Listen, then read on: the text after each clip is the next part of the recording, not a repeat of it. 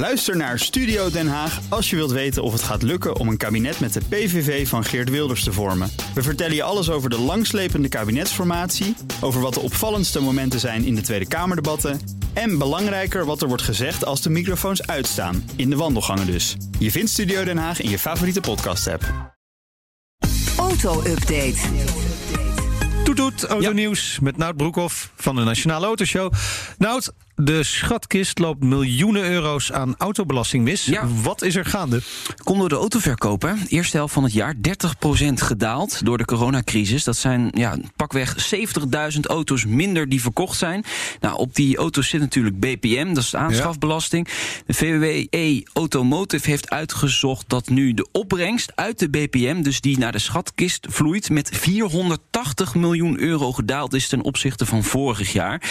Nou, vorig jaar, eh, het eerste helft van het jaar, was die opbrengst 1,2 miljard euro. Nu is die opbrengst het eerste half jaar 766 miljoen euro. Dus een daling van bijna 39 procent, Meijnerd.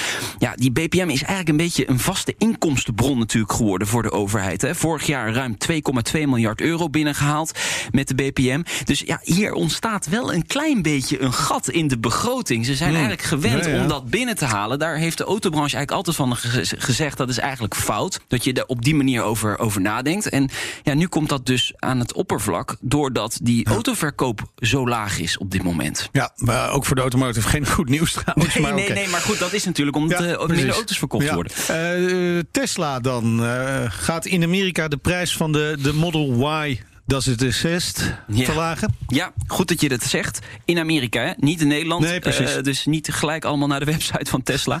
Eh 3000 dollar goedkoper wordt hij daar. 49.900 dollar gaat hij kosten. Waarom ze dat doen, daar geven ze geen eh, reden voor. Maar ja, het heeft waarschijnlijk wel iets te maken met de coronacrisis.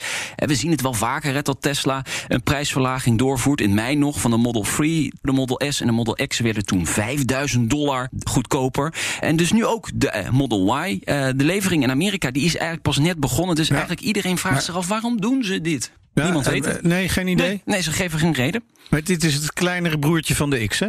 Ja. Zou je kunnen zeggen. Ja. Ja, het is een crossover eigenlijk. Zou Crossover, zo kunnen is dat. zeggen. Ja.